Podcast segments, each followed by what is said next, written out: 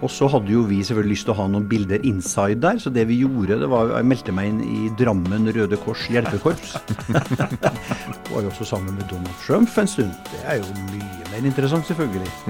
Som hun da benekter. Vi får ta en anførsel sammen med, ikke sant, med en anførselstegn. Men, jeg, jeg vet jo at den er veldig langsint.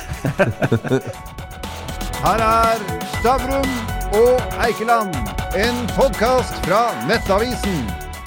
Velkommen til Stavrum og Eikeland. I dag har vi besøk av kjendisredaktøren som ble spritkonge. Hva er den sykeste kjendishistorien du sitter på, som aldri tidligere er blitt fortalt? Å ja, det er mange, vet du. Og Men nå skal vi ha den sykeste. den okay. sykeste, ja, som aldri er blitt fortalt. Ja. Nei, altså Jeg har blitt bedt om å, eller spurt om å skrive bok da, vet du, etter at det gikk av. Det begynner å bli veldig mange år siden.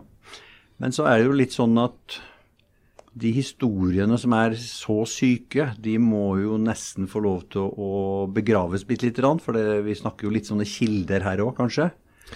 Men likevel. Eh, så jeg sa nei til å skrive bok òg, nettopp for å beskytte kilder.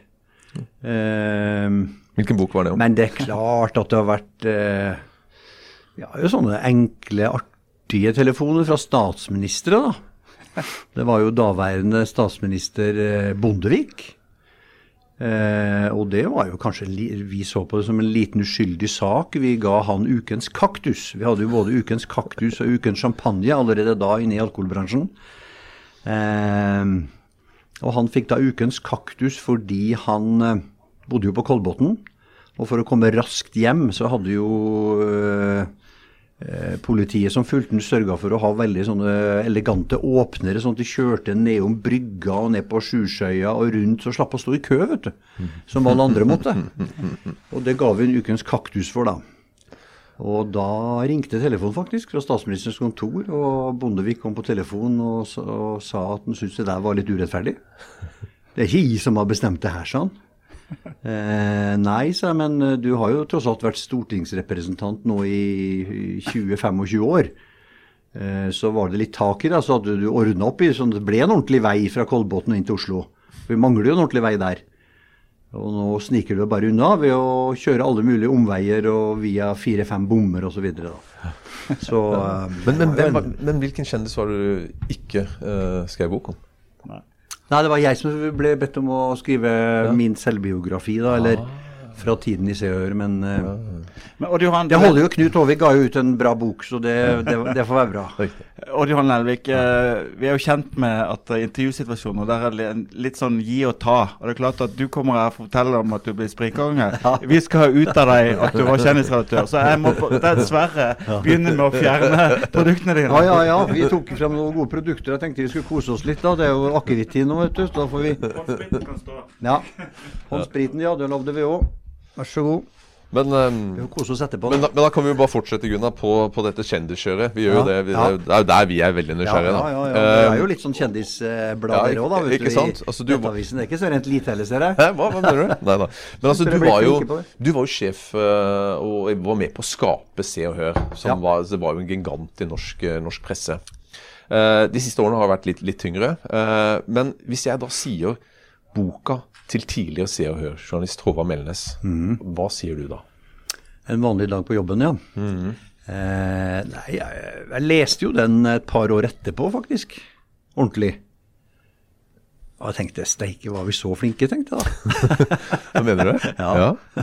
ja. Ja da, det var ikke så mye avsløringer. Jeg syns at det var noe sånn eh, som vi ikke kan stå for, da. Det er klart at holder du på i 30 år, som jeg eh, var med i 30 år fra starten av i 78, så uh, sier det seg sjøl at du i kampens hete av og til gjør noen feilvurderinger. Men i store og hele så syns jeg vi, vi var tabloide. Vi skulle være de mest tabloide. Og det tror jeg vi lykkes veldig med. Men, men misbrukte dere Sven O. Høiby? Nei, faktisk ikke. Uh, det vil jeg mene den dag i dag. Eh, vi holdt oss unna han på hans dårlige dager. Og jeg møtte jo Svenno ved flere anledninger og Men da i edru tilstand, da, må vi nesten si. Var du edru? Nei. Ja da, vi var, vi var begge det. Og en veldig oppegående mann på sitt beste. Uh, han visste hva han drev med, han. Uh, han hadde jobba i, i mediebransjen, i PR-bransjen, i reklamebransjen. Så Men det er klart, han hadde jo sine sider. Og han var nok en, en, en, eh, liten verkebyll for uh, kongelige, da. For de kongelige. La oss begynne på et mye mindre farlig sted. Nemlig tida tilbake til Star Wars-innspilling på Finse. Uh, der var jo alle journalister nekta. Ja. Men ungen Elvik han eh, tok ikke et nei på et nei. Hva gjorde du for å komme inn der? Jo, vi og jeg må si, Vi ante ikke hvor stort det her var. tror jeg. Det var jo Star Wars, det var vel andre eller tredje filmen dette her, ja, som ble spilt inn de første 20 minuttene. The Empire Strikes Back på en eh, sånn isbre oppe på Finse. Og så hadde jo vi selvfølgelig lyst til å ha noen bilder inside der, så det vi gjorde, det var Jeg meldte meg inn i Drammen Røde Kors hjelpekorps. For de skulle nemlig uh, forsyne filmen med uh, Rebels. Altså sånne hvitkledde troopers med ordentlige laserguns og alt som var. Så da ble, det jo, ble vi tatt opp der og bodde på Finsehytta i åtte dager. Og hadde et kamera på innsida av battledressen da. Og fikk tatt bilder. Så jeg var jo på bakken og var med i filmen, mens The Sun fra England de fløy over helikopter. Så eh, da var, vi, eh, da var vi der det skjedde, ja. Litt Og, du, og det skal jeg fortelle etter dette her. Altså, det er da du oppdager hvor inni granskauen svært det Star Wars er. Så den dag i dag, senest i forrige uke, måtte jeg sende et brev Jeg har jo bilde av meg sjøl med Star Wars-uniformen i veska der. Eh, måtte jeg sende et brev til en mann i England som eh, ba om å få autografen. Og hvordan han, hvordan han eh, finner frem til meg, det, det lurer jeg ikke på. Altså, men det greide han. god kjendisreporter, sannsynligvis. Men Ja, ja. til, til fortsatt det litt snillesidene. For det, det blir jo framstilt hele tiden som om kjendisjournalistikken er i krig med kjendisene. Men det er jo nokså anerkjent, i hvert fall nokså velkjent, at uh, det, er jo, det er jo en del kjendiser som veldig villig stiller opp. Noen nesten så langt at de skriver sakene om seg selv.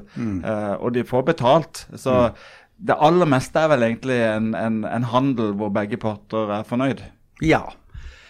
I det, I de fleste tilfeller er det jo sånn. øh, og det er jo, hvis du ser tilbake liksom på de årene, og begynner å bli mange år siden, men det er jo få saker, hvis du ser i store og hele, som det ble rettssaker eller, eller stort bråk av. For i store og som du sier, så er det en, et samarbeid. Altså Du kommer jo ikke hjem til noen uten å samarbeide og rigge stua og betale litt for det. Men, men, Sånn er det bare. Men hvordan funker den der For dette, nå er vi inne på dette som kalles betalingsjournalistikk, Ja. som er litt sånn kontroversielt. Og, og det er vel ikke så mange andre enn Se som driver med den så hardt som, som det dere gjorde. Altså, øh, Fikk de fast månedlig lønn, disse tipserne? Eh, Var det fra prosjekt til prosjekt eller sak til sak? Altså, hvor, hvor, hvor store var beløpene? Altså, det, Det er klart vi hadde vel. Gode kilder som var ganske ofte på Men det er jo Altså Var de på lønningslista? Nei, lønningslista Betalte dere arbeidsgiveravgift? Nei, nei de, fikk jo per tips, da. Ja. Eh, Men det er klart vi hadde kanskje litt større summer enn det. VG hadde jo 10 000 kroner for eh, månedens beste tips. NRK betalte for det beste tipset. Så, så Men hva var de høyeste summene? Men det var jo det var stor grunn til å tipse oss i Se og Hør, selvfølgelig. For vi betalte vel kanskje litt mer rundhårig enn de fleste. da. Men hva var de største tipsene? Hva kosta de? Altså, Nei, det, de største utbetalingene du har gjort, hva er det? Det må være for hjemme hos-saker eller det som vi kalte livshistorier, da, hvor vi f.eks. bretta ut eh, livshistorien til Wenche Myhre, Toran Maurstad over fire nummer. Men det er klart hva kosta da noe sånt, da? Ja, noe sånt kunne vel koste en par hundre tusen, tenker jeg. Jeg har 200 jeg har hørt 250 000. begrepet en kosse, at det var 300 000. En- en koss. En, En koss? Må- Målenhet var en Å ja, koss. hva er det, det, det har jeg aldri hørt før. Nei, det har jeg aldri hørt før. Nei. Altså Eva Sandum sa hun ble tilbudt 300 000, uh, Ja. ifølge denne kjendis- og betalingsjournalistikk. Uh, Ja, ja. det er mulig, men det, det husker jeg ikke, altså. Nei. Det tviler jeg på. Ja. Men nå som du er i Men det er klart, hun hadde jo tross alt vært sammen med en kronprins. Hun var like før hun ble dronning i Spania. Og da hadde vi lovt Kjell Arne den gangen, vår, vår eminente kongereporter, at han skulle få Madrid-kontoret. Men det um... Men sånn gikk det ikke. Litt mer uh, alvorlig, uh, nå som du sitter og koser deg med sprit, og du tenker tilbake. Uh, er det noen ting du, som gjør litt vondt i magen at du gjorde? Er det, er det folk du på en måte gjerne skulle gjort opp noe med eh, og bedt om unnskyldning til? Det tror jeg vi gjorde underveis, faktisk. Eh, hvis det var ting vi hadde eh, som var veldig over streken, så tror jeg vi var ganske gode på det å legge oss flate hvis det var ordentlige overtramp. Men det å huske det, vet du, nå er jeg jo jaggu meg tolv år lenger siden dette da. Jeg gikk av i 2008. Ja. Mm. 1. mai 2008 gikk jeg ut døra. Men er det ingen du, har- du syns det er litt ekkelt å møte på? Nei. Nei. Nei. Det var ikke lenge siden jeg møtte Ole Paus nede i Grimstad, faktisk. Slo Gikk han? bra, det, Slo nei. han? Nei da. Hva med Kjell Inge Røkke? Ja, nei, Røkke tror jeg skal gå bra. Uh, han uh, var vel litt grinete, han da, men men jeg, jeg vet jo at han er veldig langsint. ja, det var vel først og fremst den der eh, hyttereportasjen, det da, fra Oppdal. Med peisen. Ja, med peisen, ja. Ja, det var god den. Hvordan fikk dere fyrt opp i peisen til dere? Ja, nei, det, vi, der la vi inn en liten sånn eh, For vi visste at han nok kom til å endevende alle som har vært på hytta. Så vi fyrte opp i peisen ved å manipulere bildet.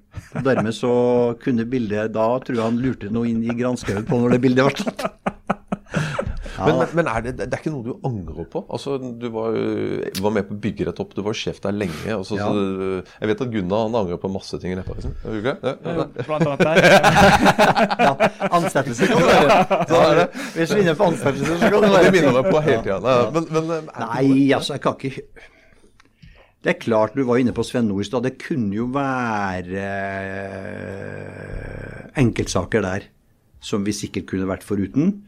Og, men jeg tror vi var stort sett gode til å sortere ut, for det dukka jo opp saker der fra Sven Nå òg som han gjerne ville ha på trykk, og som vi sa nei til. Eh, og når vi hadde en opptelling, så viser jeg vel at vi men nå kommer jo VG ut hver dag, da. De hadde jo hatt flere saker på Svenne og de enn det Se og hadde hatt, så det er jo liksom Men, men hvis vi ser da på, på Se og Hør i, i Danmark. De fikk Ja. jo veldig tyn rundt 214-ish, pluss-minus. Ja. Eh, og det var bruk av Altså de hadde fått tak i bankutskriftene til kjendis og politikere osv. Eh, det påstås jo også at dere i Norge uh, gjorde det samme. Én, stemmer det? Eh, og to, uh, syns du det er greit?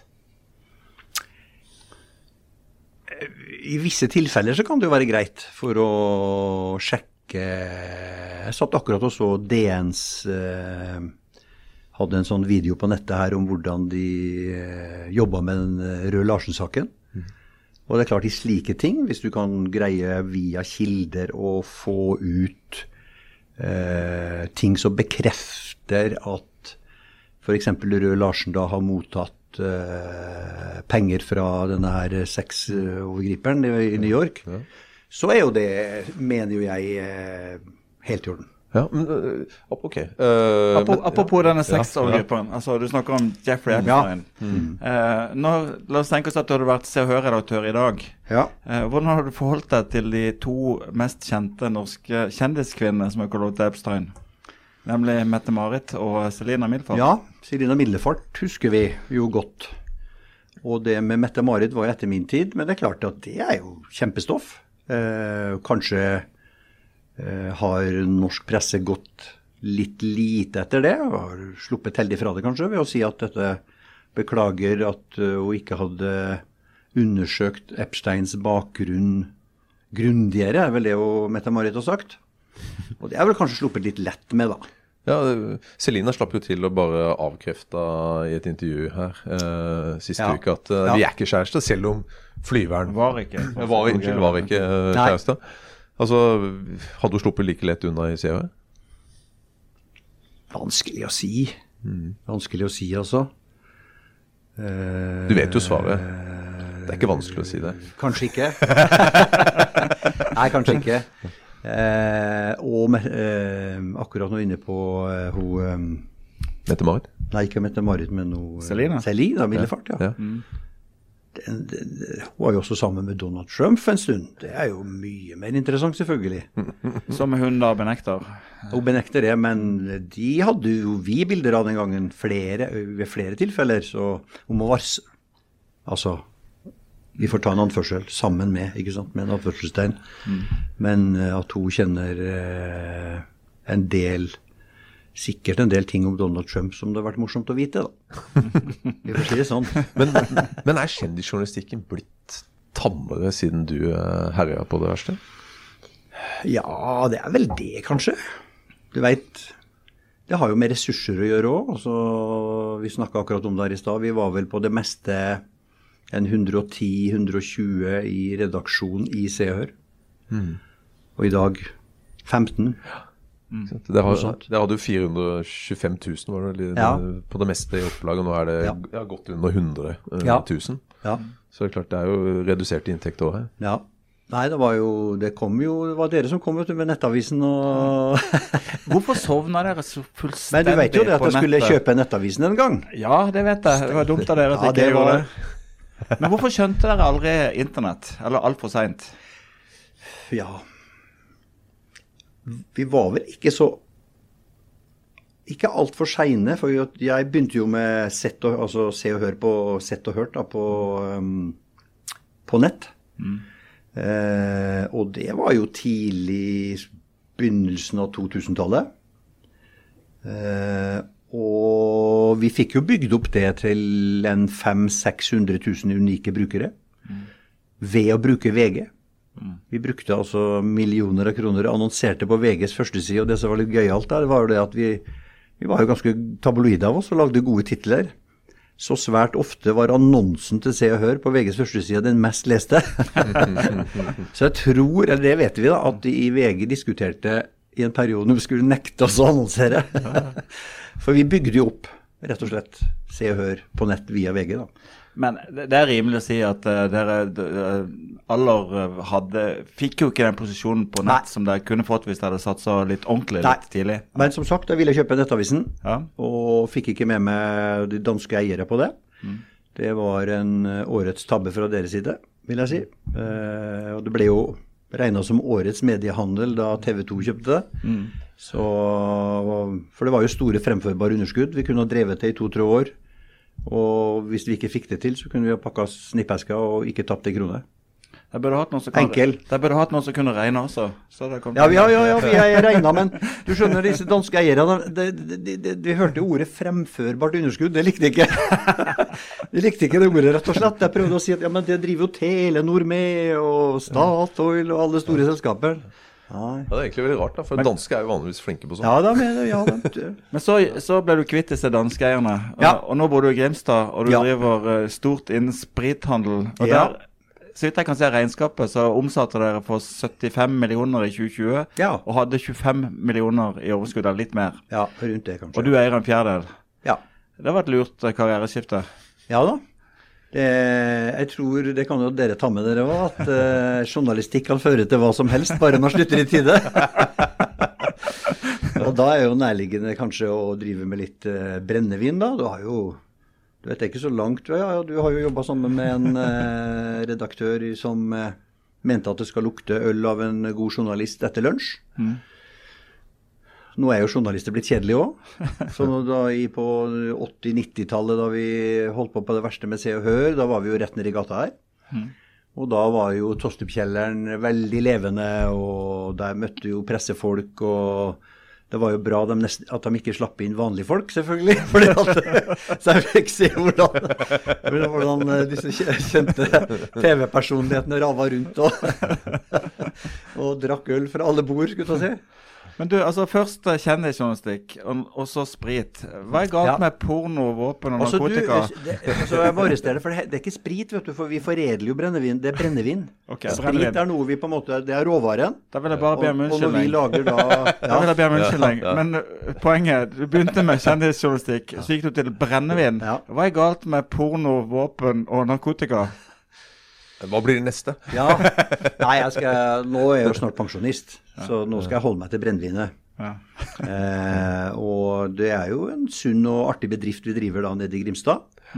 Og som eh, Altså, da vi kom med Se og Hør Egentlig så, ikke så driver jeg med Har jeg liksom slått noen eh, eh, Slått ned noen vegger nå òg? For da vi kom med Se og Hør den gangen, så hadde vi jo Nå som det eneste aktualitetsbladet. Og vi sa jo at vi skulle bli Norges største eh, aktualitetsblad eller ukeblad. Det ble vi jo.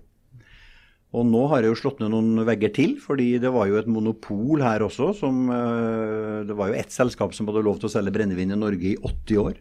Først i 2005 ble det jo lov for eh, andre å tilvirke brennevin. Og da var jo vi i Det Norske Brenneri slash Puntervoll i Grimstad den aller, aller første. Eh, og nå slåss vi. Og jeg har bestemt meg for at Arvesølv akevitt, som vi da er vårt største merke, vi skal bli Norges største. Og Det her, vil vis, ta noen år.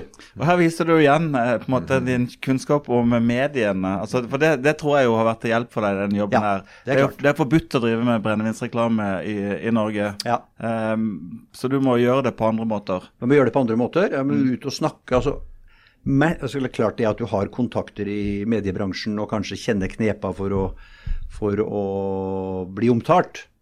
Eh, det hjelper jo på. Men det jeg gjør mest av, det er faktisk å reise rundt i Norge og holde foredrag. Eh, for eh, fra 50 til 500, skulle jeg si. Nå er det slutt på det siste. Men, og smakinger. Altså rett og slett la folk få smake på de fantastiske varene vi lager. Arvesøl akevitt, eh, Harald gin osv. Og så tenker vi at når den får smake på disse varene her, som jo har vunnet kjempeinternasjonale priser, og kjenner hvor gode de er, så tenker jeg aha, ja, men dette var noe nytt. Kanskje vi skal liksom Kanskje den der eh, Oppland skal få lov til å stå i år, da? Skal vi prøve noe nytt? Ja. Men det er akkurat litt riktig. Altså, for det, det, det du lykkes med i Se og Hør, var jo eh, Det var faktisk kvalitet på over hele linja. Så kan man diskutere metodene. Ja. Eh, Men det er jo litt av det du har videreført her. For det, altså nett, det leste jeg i Nettavisen. At den vant jo faktisk. Den der eh, Ja. eh, Fikk jo ti. Så den der eh, Altså, din. Så det er jo ja, tydeligvis kvalitet der òg. Ja, og det er blind test. og det er eh, med veldig kvalifiserte folk som da smaker på, på akevittene og arvesølvet. Ti av ti poeng her i, Men- i Nettavisen. Det er klart, da blir jeg stolt, vet du. Ja, det forstår jeg. Men men vi kan snakke Vi kan snakke, si mye, men la oss holde oss til sannheten. Ja. det er sannhet, det, da. Du, du pusher jo et produkt Ja. eh, som gir mye lidelse eh, og mange helseproblemer rundt i Norge. Eh, Ja. Hva med din samvittighet rundt det? da? Er det noe greit å tjene masse penger på? Altså, det skal han alltid ha med seg i, i Når han driver med produksjon av brennevin, at det selvfølgelig er eh, enkelte som har eh, store problemer med alkohol. Eh, og vi oppfordrer jo selvfølgelig til ansvarlig bruk og ansvarlig drikke. Og så tror jeg kanskje at noe av det vi lager, da så eh, Vi lager jo håndverksbrennevin. Kanskje koster det litt mer enn det aller billigste på Vinmonopolet. Så jeg tror liksom ikke at eh, vår akevitt og våre gin da er det man først eh, Altså de tørste som er inne på mandagsmorgenen. Tror det er andre ting som er lettere å, å misbruke, da. Billigere. Men jeg har jo sett det sjøl, rundt, altså i nær familie, at det her er at det her kan by på problemer. Så det skal ta det på største alvor. Men, men, men jeg er jo også Og det er bra. det er bra. Eh, Men jeg er også litt interessert i Du snakket om utlandet. Ja. Eh, Rett før pandemien eh, kom, så eh, hadde du vært på en eh, megastor turné i USA. Eh, Hvordan ligger det an, og hvordan attakkerer du i et sånt stort marked? Ja, du vet, det er jo Det er jo enormt. Så for det første er det veldig viktig å få en god importør, da. Eh, For det er jo de som må gjøre jobben, først og fremst. Eh, Og der var vi heldige, tror jeg. Og vi har en eh, Så jeg skal invitere deg med over en dag. En nordmann. Fantastisk god sak, egentlig. Som heter Even Kull Sveen, Som driver et eh, brenneri og lager bourbon whisky i Kentucky. Eh, og han gifta seg inn i denne familien her. Han utvandra til USA som 20-åring. Gifta seg inn i denne familien her. Gifta seg med dattera som skulle arve hele brenneriet, så han gjorde det jo veldig smart der. Og lager i dag en av de mest prisvinnende bourbons i USA. Og han hadde lyst til å ha noen norske produkter i sin portefølje. Og så er det slik at når Even ringer rundt i USA, så sier jo disse her spritsjappene at Oh, Even, do we, need, do we need another gin? Det er jo så mye av det, vet du. Men når Even sier Yes, I think so. It's from Norway. Da sier de ja, vet du. Så nå er vi altså i 25-30 stater. Eh, Og har en veldig god distribusjon og sender en Ja, og det er jo det er selvfølgelig smått i forhold til de store gutta i denne bransjen her. Men i år har vi sendt over fire, kanskje det blir fem konteinere. Hva vil det si sånn containere. omsetningsmessig og flaskemessig? Ja, mange, det er jo noen, noen 10 000 flasker i hver konteiner. da. Oh, ja. Og det er først og fremst eh, Harahorn gin som eksporteres til USA. Eh, vi ble jo, altså Harahorn ble jo, Det hjalp jo til, da. Vi ble altså Gin of the Year i USA. Kåret av det, norske, nei, av det amerikanske bartenderforbundet eh, for to år siden. Og det er klart, da er vi i konkurranse med amerikansk gin og gin fra hele verden. Og vi slo en amerikansk gin med ett poeng. Og det blir jo lagt merke til. Og du kan jo google, så, så har du Det, de amerikanske bartenderforbundet har en sånn eh, sak som heter 13 gin du absolutt må ha i barskapet. Og da 13 gin, ja. Som fra hele verden, da. Og to av dem kommer fra Grimstad og heter Harahorn. Det er ikke dårlig. Det er ikke dårlig. Men det, tilbake til, eh, til Håvard Melnes, og også filmen om Se og Hør. Der ble Ja. jo du, eh, der ble jo du eh, Ja. portrettert som redaktør. Og når du kommanderte noen folk til å dra ut og banke på døra hos folk som hadde mista en pårørende, eller betale noen for å fortelle om skilsmissen, og de krangla, så var det bare ordet Korea. Ja. Eh, hvorfor det? Nei, og det har jeg aldri hørt. Nei, fakta. Jeg spurte andre om Korea. Jeg vet ikke hvem som har sagt det. altså Jeg har aldri hørt det. Men vi, vi applauderte når det var noe bra. Ja. Altså at vi, hadde, vi klappa når noen hadde gjort en god innsats. Men ordet Korea jeg aldri hørt. Her, eh, assosiasjonen var klar at det var- Nord-Korea og, og Kim Il-sung. Sikkert. Når ikke det var noen annen begrunnelse, så var det bare sånn er det. sikkert. Nei, altså, vi, Men du brukte aldri det ordet? Nei. ikke sant? Nei. men vi, vi klappa, og det tror jeg vi har lært av kinesere mer enn av eh, nordkoreanerne. Men eh, det var ingen som ropte Mao heller. Men, men du har sett, eh, sett filmen, ikke sant? Vet, jeg så skal jeg eh, være ærlig, så har jeg ikke det, altså. Men nei, du høre. Nei, jeg skal høre hva som skjedde her for en par år siden. Så satt jeg med min eh, nye samboer, og så eh, gikk den der filmen på TV. Så, så sier jeg at du må jo se den der filmen. Eh, tross alt eh, bortrettert av en eminent skuespiller her. Og så etter at det hadde gått et kvarters tid, så sa jeg at dette var jo jævla kjedelig. Så etter 20 minutter så måtte jeg bare switche. Og det var jo det Snakker du sant nå? Ja, det er helt sant. eh, og vi må jo kanskje si den gangen den hadde premiere over hele Norge, vet du. I masse kinoer. Eh, og vi hadde vel en sak i Se og Hør på at eh, den åpningshelga nord for Trondheim, så hadde åtte personer sett filmen om Se og Hør. Den syns vi var litt artig. Vi, vi, vi koste oss og litt sånn ekstra. Jeg må bare innrømme det, altså. Men du, nå er det snart jul, og da må vi avslutte på en vennlig måte. Hvis du Ja. tenker tilbake på, på karrieren din og alle kjendisene du har møtt og hatt med å gjøre opp gjennom, Mm. hvem er det du med, med mest hjerte tenker tilbake på? Hvem har du likt best av alle sammen? Åh. Og det er så mange, men Sven Nordin er jo en eh, hjertevarm fyr. Torald Maurstad, som har hatt veldig mye med å gjøre, vært på laksefiske. Jan Otto Johansen, vi har vært på laksefiske og svartbjørnjakt og det ene med andre. Nei, det er jo veldig mange, da. Wenche Myhre. Altså, egentlig så kan du si at jo større kjendisen er, jo lettere er det liksom å ha med dem å gjøre. Jo mer avslappa er dem, jo mer Det er de der som er på vei opp. Så jeg, jeg kan tenke meg at i dag, med alle disse her som er på vei opp, og som tror de er veldig store fordi at de har hatt en blogg eller et eller annet et eller annet sted, de- tror jeg er glad jeg ikke har med dem å gjøre, i hvert fall. Men de store kjendisene, ja, det var stort sett bare veldig ordentlige folk, altså. Så jeg har jo kontakt med mange den dag i dag. Du fikk Stavrum og Eikeland, en podkast fra Nettavisen.